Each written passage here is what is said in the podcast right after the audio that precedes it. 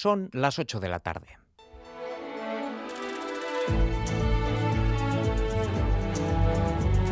En Radio Euskadi, Gambara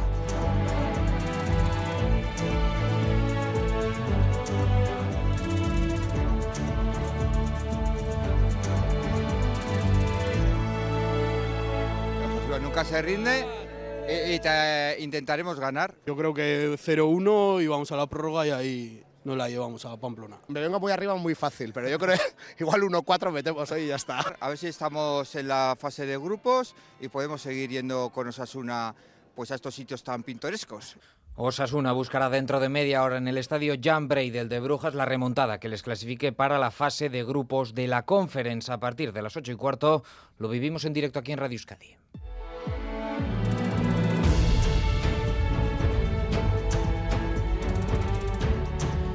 ¿Qué tal? La Racha Aldeón es jueves 31 de agosto, un día marcado por la actualidad futbolística, porque además de ese partido clave entre Club Brujas y Osasuna, la Real Sociedad ya conoce a sus rivales para la fase de grupos de la Champions. Serán Benfica, Inter de Milán y Salzburgo.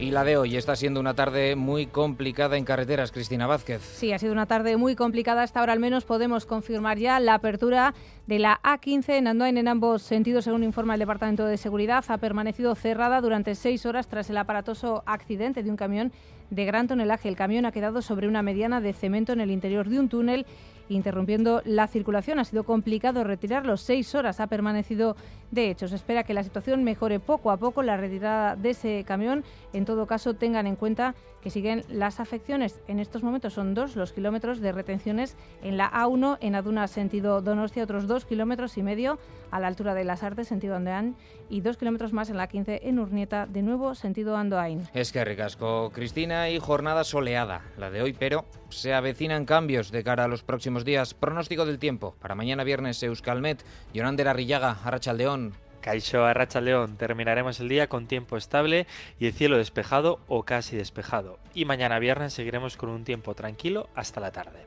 Se formarán nieblas en zonas del interior y aparecerá alguna nube baja en la vertiente cantábrica. Por lo demás, lucirá el sol y las temperaturas van a ser veraniegas, con máximas entre los 25 y 30 grados en muchos puntos del territorio, incluso superando esta barrera en puntos del sur.